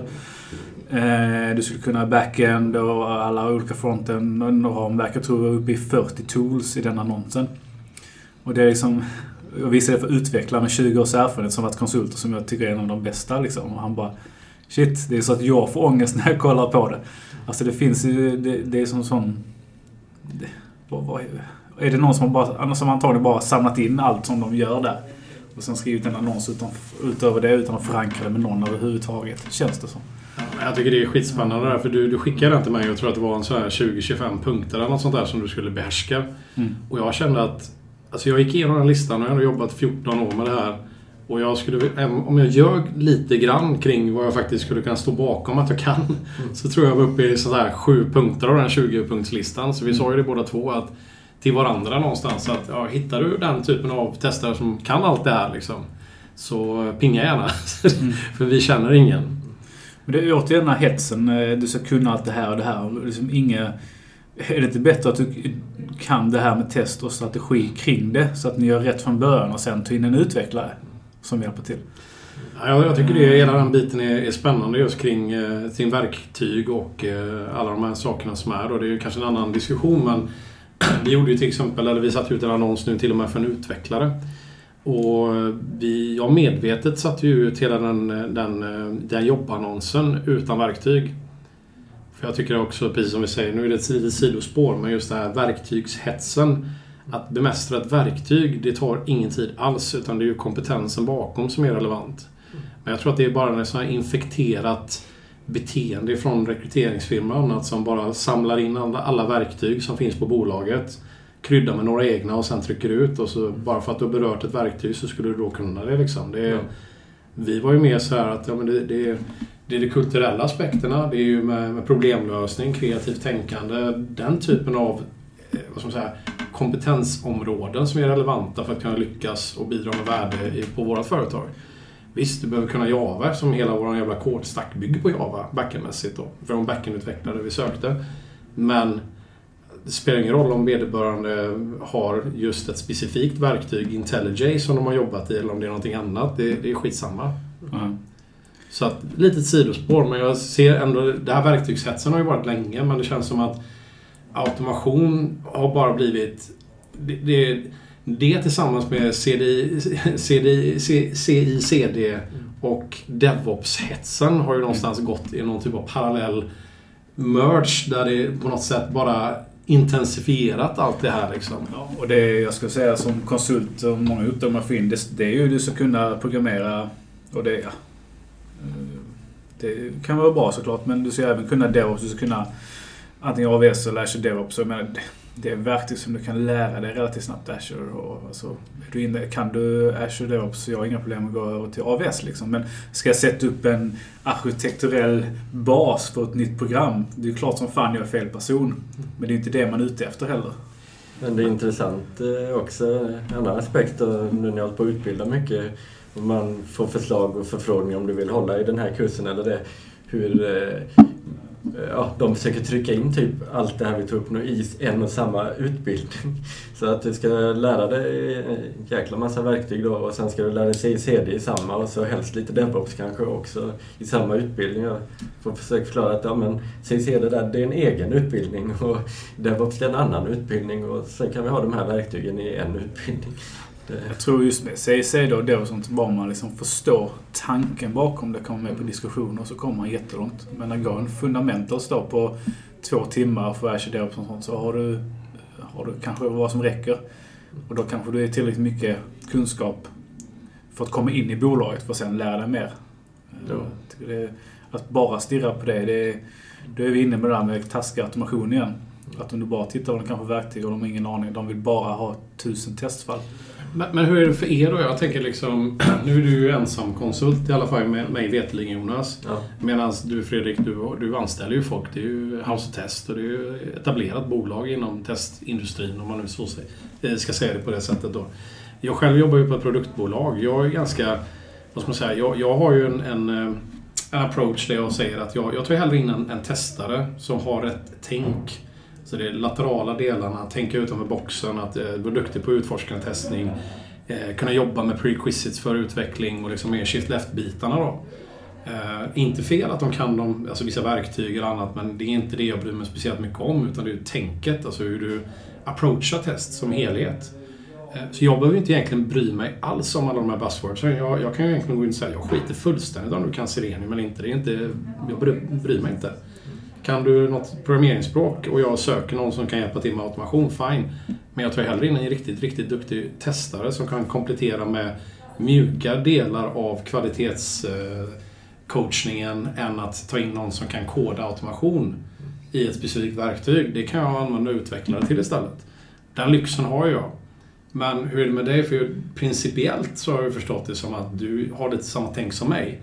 Men du är ju i en annan situation i och med att du måste ändå sälja konsulter om man så vill till uppdragsgivare. Va? Och så är det. Och det är jag skulle säga tekniskt testa, men det behöver inte bara innebära automation. Alltså, Mm.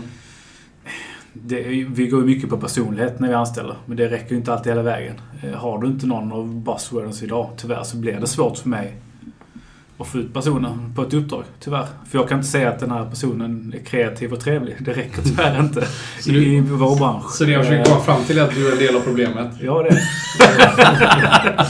Men Sakta försöker vi jobba på det. Ja, nej, jag skojar. Jag, jag tänker mig att det, det är väl egentligen problem med hela industrin. Jag, jag, har egentligen, jag, jag har lurat en annan eh, branschkollega i den fällan också, just när vi pratar om de här sakerna. Och vederbörande jobbar på ett stort eh, konsultbolag. Och vi pratar om de här sakerna och vederbörande håller med mig allt jag säger. Och sen så frågar jag just den här frågan. Ja, men de, de, alltså hur, hur branschen mottar, alltså hur man ska få ut expertis i bolagen kring som måste baseras på vad de faktiskt efterfrågar. Och vederbörande säger precis som du, att men vi måste ju ha de här buzzwordsen i CV. Måste jobba med, kunna jobba med automation för annars går det inte att sälja dem till en uppdragsgivare. Och då är det här, men du är en del av problemet. Mm. Så då är, då är det frågan om, alltså är det ens görbart? Hur, hur kan man ens... För vi sitter ju här och det är många andra som propagerar att men vi, jobb, vi har fel approach, vi, vi jobbar på fel sätt. Mer är inte bättre, det är fel arkitektur, det är, det är fel eh, vad som är, kontext för att jobba med detta. Ni, vi hade behövt det här istället. Vad har vi för ansvar att egentligen tala om för en uppdragsgivare eller ett företag och säga att ja, men det är inte automationen som löser ert problem. Ni har andra problem ni behöver titta på. Och det kan man ju oftast ta upp när man väl har fått komma dit. Ja. Det är ju det det handlar om. Du måste finna fot. Så därför skickar jag mitt CV alltid. Nej. Nej, men jag tror, kommer du väl in det så förstår de ju oftast och håller med en. Bara att de, de har, ibland kanske de har så pass lite kunskap kring test och automation att Mm. de inte vet vad de behöver göra. Utan okej, ja men automation, det verkar ju häftigt. Så då skriver vi det i annonsen. Mm. Eh, Så där får man ju hjälpa dem. Alltså det är ju alla som inte har, har expertis inom området och då, då kanske det inte är så lätt att forma eh, vad är det man Ja, det- verkligen behöver. Det är ju min eh, erfarenhet också. Så att om man väl kommit in där då kan man tala om vad man tycker och vad de borde göra sen. Men framförallt är det väldigt smart att börja med den här klassiska frågan Why? Varför gör ni det här? Eller varför vill ni göra det här? Och få dem att motivera det sen. Mm. Det- För det är som jag skrev i den, om ni vet, inlägget jag gjorde när jag sökte folk för anställning. Eh, att det är vi som är experterna. Det är vi som ska hjälpa dem. De, de tog in oss av en anledning. Eh, sen finns det uppdrag där man bara eh, värmer en stol, men det är inte sådana uppdrag som jag och mina kollegor är ute på oftast. Nej, precis. är- Så, nej, jag, jag, jag tänker mig just det här att det, det är det som är så konstigt. Eller kanske inte konstigt, men det är väl, det är väl en, en största del av problemet är att personerna som efterfrågar någon typ av kompetens, om det nu är att, för att anställa, om det nu är konsulter, förstår inte problemet och förstår inte professionen som man efterfrågar. Man vet inte egentligen vilket problem man vill lösa. Utan man får en, eh, vi vill ha X person med en roll. Och den här rollen ska innehålla detta. Men man förstår inte om det är rätt eller inte. Man vet inte om det är relevant eller inte.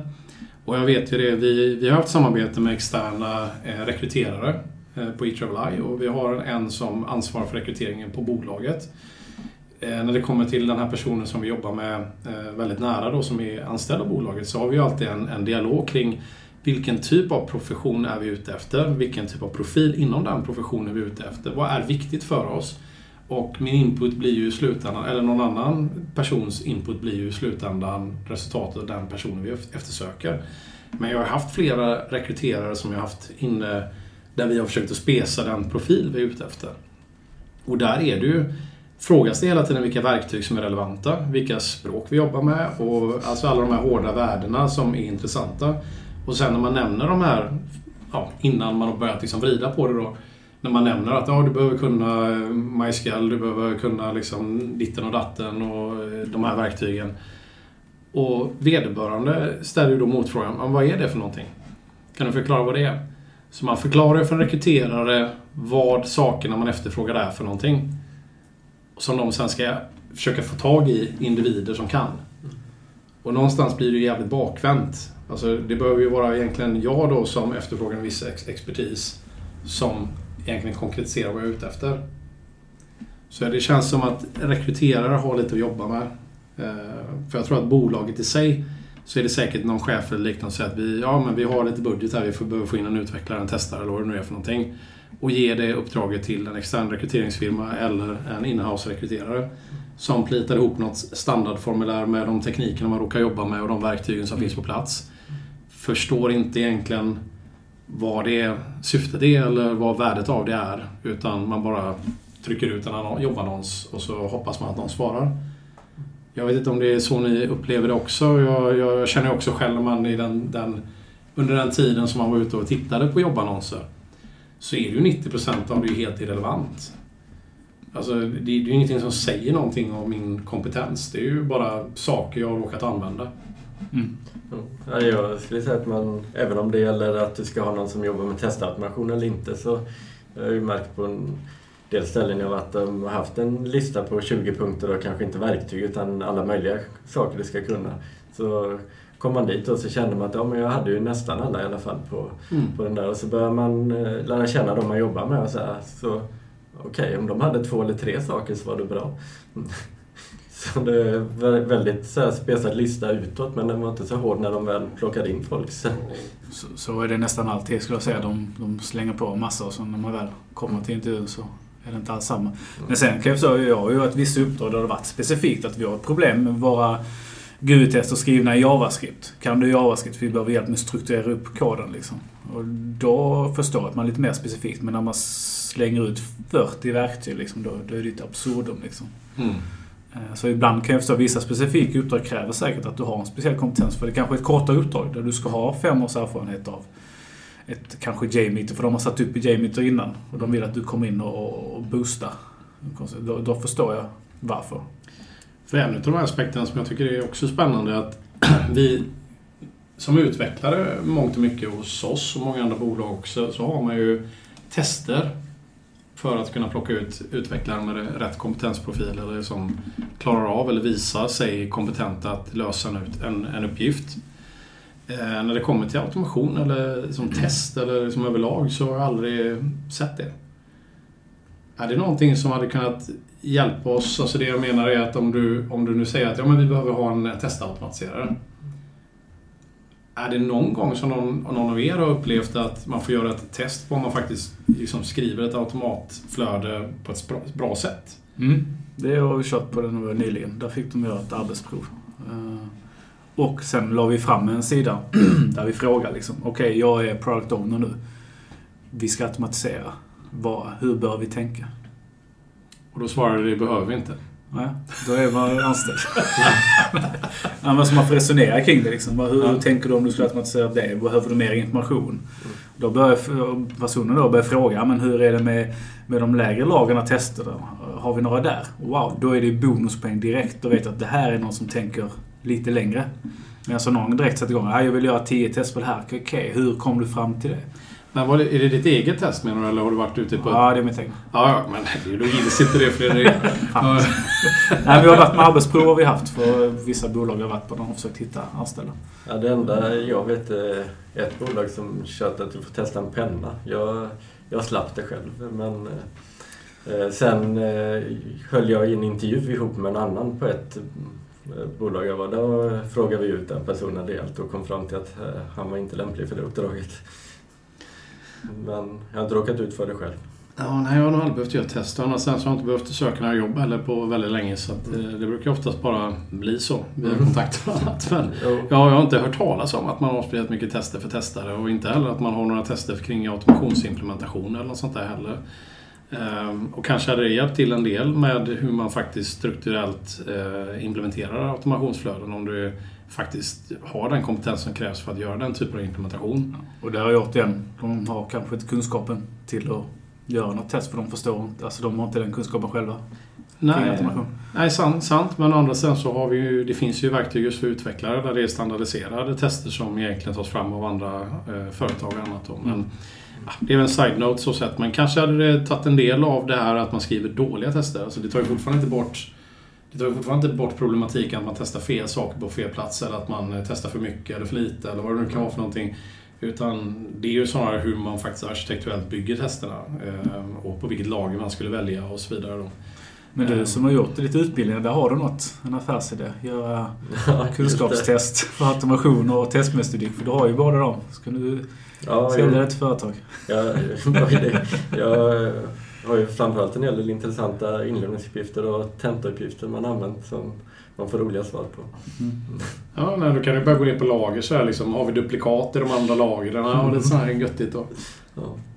Men eh, vad ska jag säga? Ja, alltså förutom alltså, den fula sidan av automation är väl just den här hetsen mångt och mycket. eh, Och att man har kanske lite felaktig approach kring det. Eh, Det är i alla fall så jag ser det. Jag vet inte hur ni tänker men eh, det, det är ju det är ju mycket det här att det ska, allt ska automatiseras överallt och man börjar komma fram till nya roller som att man ska vara developer in automation och developer in test. Och just för att man på något sätt, känns det som åtminstone, ska försöka eh, inte så mycket analysera vilka tester man ska bedriva eller vad som är relevant utan snarare att man bygger det på rätt sätt. Eh, för att det är ett problem. Så då ska du ha testare och sen har du en developer i en test som ska hjälpa till att utveckla testerna för, utveckla, eller för testaren då tänker jag. Men det är ju egentligen utvecklarna som hade kunnat göra det istället. Så jag, jag förstår, har riktigt förstått den rollen. Är det, jag har hört den komma upp mer och mer men Nej, jag har inte heller helt... är det, är, det en, är det en dedikerad utvecklare som ska hjälpa till att implementera ramverket för testautomation då eller? Det beror, ja. Jag har ju kört ibland att jag har börjat med ramverket sen har alla över det. Alla har varit med och bidragit. Det har inte varit... Jag gillar ju inte riktigt rollen någon som bara sysslar med testautomation. Alltså oftast gör man så mycket mer. Jag, skulle säga. jag vill att testa, testautomation ska vara hela teamets ansvar. Mm. Annars kommer du aldrig få ihop det. Ehm, ja, precis. Och det, ja, det, det är väl det som är den, den negativa sidan, eller den, den fula sidan av det. Just som sagt, man försöker pusha in mer och mer antar jag då, liksom, och hur det här har blivit en buzzword i hela industrin. Att man forcerar fram detta och att jakten på nya arbetsmöjligheter antar jag baseras på vad som råkar vara mest eh, liksom, buzzword för tillfället. Mm. Sen, sen en annan som jag kom på nu det är ju jag diskuterade vad en teknisk testare var till exempel. Och, och vissa sa att ah, men det är någon som bara sysslar med automation. Och det skulle jag säga är helt fel. Eh, och där har vi kanske ett missförstånd också. En teknisk testare är ju så mycket mer. Alltså det är mer att du kan jobba oftast på flera lager för att du förstår den- den underliggande strukturen. Eh, så där kan ju också vara ett missförstånd i branschen. Ja, det håller jag också med. Ja, men det är en intressant aspekt. Alltså min, min, min definition, felaktig det kan vara, men, och ni får rätta mig, men jag tänker mig en teknisk testare är ju någon som Alltså delvis skulle man kunna säga, jag gillar ju inte det, den benämningen som fullstack tester. Det, det är väl fel. Jag, jag pratade med en utvecklare just om att jag sa det att fullstack tester är ju någon som är dålig på, eh, alltså jämndålig på allt i hela stacken. och han skrattade och höll med. Men jag kan tänka mig att det är lite samma. Du, du är en generalist som egentligen kan gå ner och analysera enhetstester och liksom bidra med nya idéer som vi ska testa på den nivån. Du kan testa på API-lagret, du kan testa på frontlagret, du kan jobba med, med databaserna, du kan jobba med, med monitorering, larmsättning. Alltså det, det är alltså tekniska aspekter som kanske inte är hands-on frontend utforskande testning utan det är, det liksom är mer något djupare och bredare perspektiv kanske. Mm. Och ta bort liksom krav, behovsanalysprocesser ifrån den. Utan mer... Ja, det inryms också säkerligen, men just att det är det som... Jag tänker en, en, en testare, en vanlig, test, vanlig testare inom situationstecken som man inte ser i en podcast. Är liksom generalist över hela flödet från behovsanalys till leverans i princip. Mm. Men den tekniska testaren kan ju göra det, men kanske fokusera mer på att gå djupare i, i liksom, eh, systemet. Mm. Ja, men det, det kan jag hålla med. Jo, jag håller också med om det. Och plockar man in då att gå djupare i systemet så kanske man behöver ta bort saker på- kring behovsanalys och kravnedbrytning exempelvis och hjälpa till med de bitarna. Då är man mer fokuserad på det tekniska helt enkelt. Mm. Ja, men jag tror det där. Man kan liksom... Du får ett API, du behöver inte vänta på GUI innan du börjar testa. Du kan testa på flera nivåer. Jag tror det är en bra särskiljning också. Och det är även de här grejerna som eh, prestandatest till exempel. Är det eh, mer tekniskt testare eller, är det, eller säkerhetstest för den delen? Ja, jag skulle säga att det är ju är väl den grenen som är mest teknisk av allihopa. Det är så mycket verktyg involverat där. Då. Ja, och du behöver vara nere på en ganska djup nivå eh, oftast genom att manipulera saker nästan direkt i koden och, Ja. och sådana grejer. Så Men det, det, är ju- det är ju med sån säkerhet, det är sånt stort område, säkerhet. Mm. Alltså jag vet sådana som jobbar med säkerhet som inte kan koda bra heller. Liksom. Det beror på Mm. helt vilken nivå. Det är samma sak Mm. där. Vissa är nere och analyserar kod och vissa är från GUI-hållet, eller alltså, Mm. protokoll eh, och kör därifrån. Sen har det går ju usability-test och sånt där. Det tror jag inte en teknisk testare kanske är så jättefokuserad på. Men det är Ja. kanske bara mina... men ja, nej, nu spårar vi ut. På koden. Ja, nej, vi spårar ut lite grann från topic här nu. Men jag tror väl att eh, vi, vi enas väl egentligen någonstans i det här att eh, det som är mest fult i hela den här automationsgebiten är nog mångt och mycket just det här hetsen kring det. Att det ska vara liksom silver lining solution för i princip allt som rör kvalitet och test. Ja, och det har ju spilt över som jag var inne på, på till och med på studenter då, som ska lära sig att ja, jag måste lära mig det här bara för att kunna få ett jobb. Du ska knö in så mycket buzzwords som möjligt i ditt CV helt enkelt. Ja, Ja.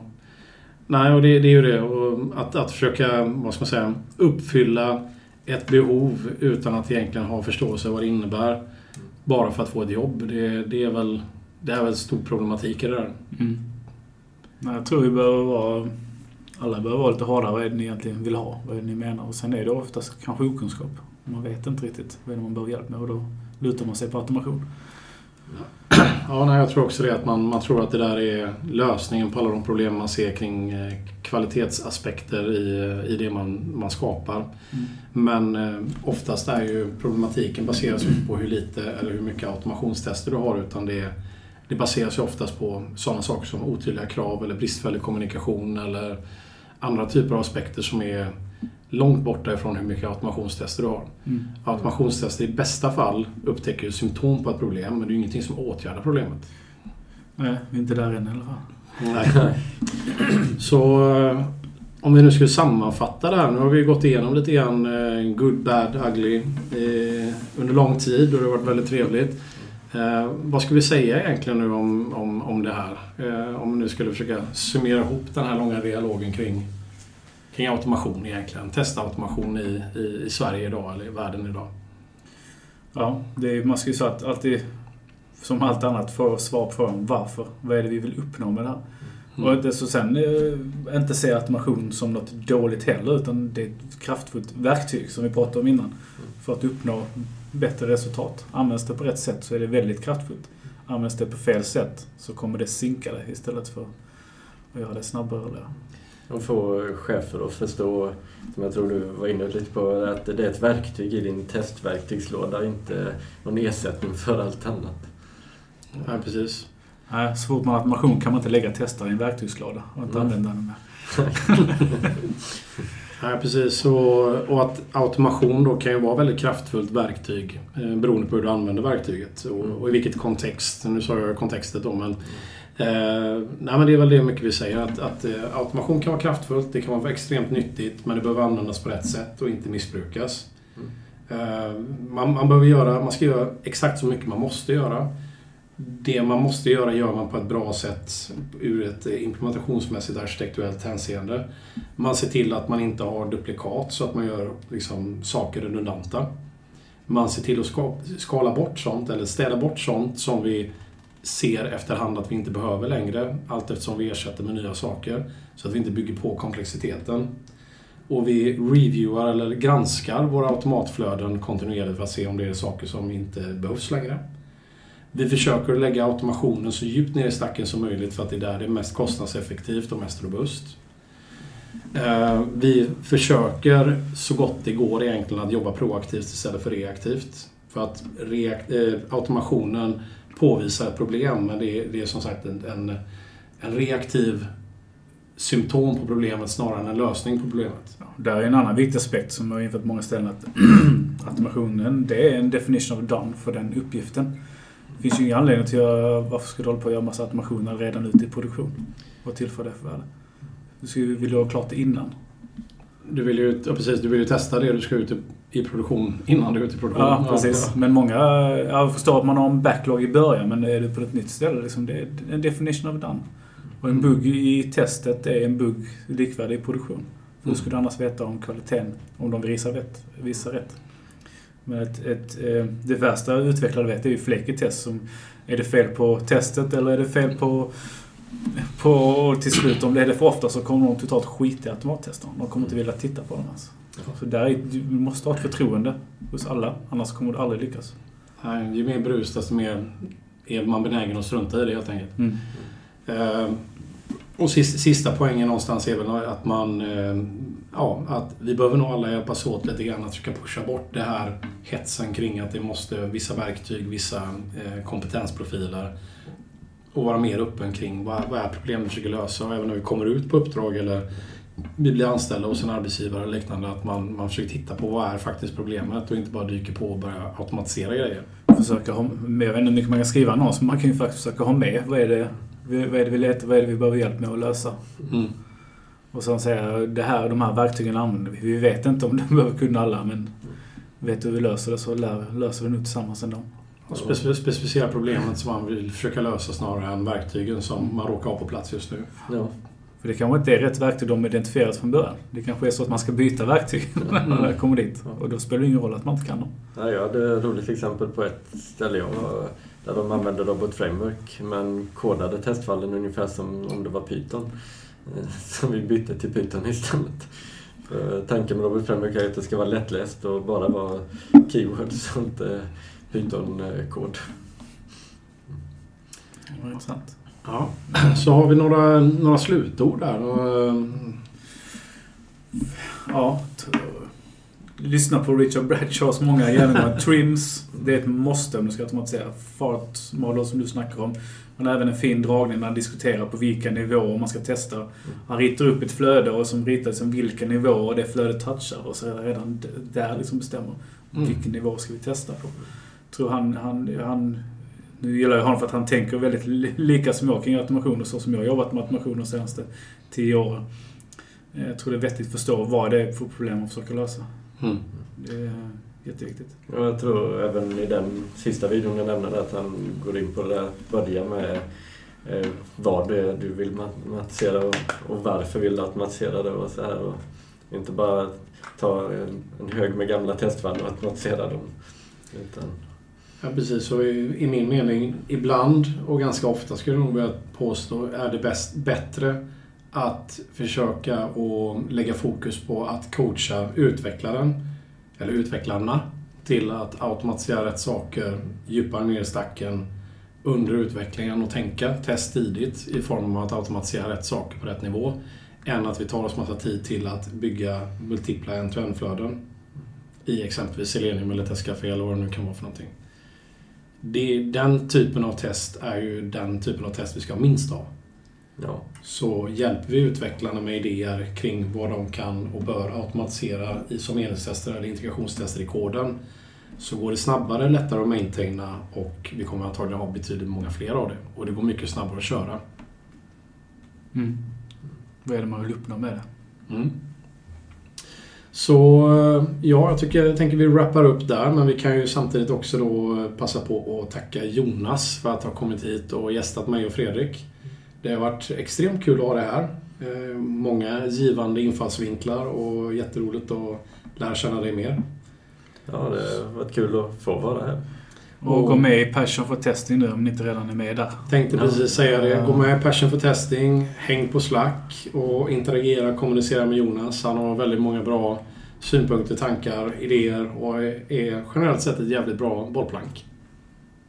Och han brukar oftast, kan jag våga nog säga, vara väldigt hjälpsam och tycka att det är roligt att lära ut och, och kommunicera med alla möjliga människor eh, kring testrelaterade saker och säkert andra saker med. Jo, det, jag hjälper gärna till om man har några problem. Det, jag brinner för eh, det är lite därför jag börjat undervisa och få folk att bli bra på de grundläggande delarna i testning.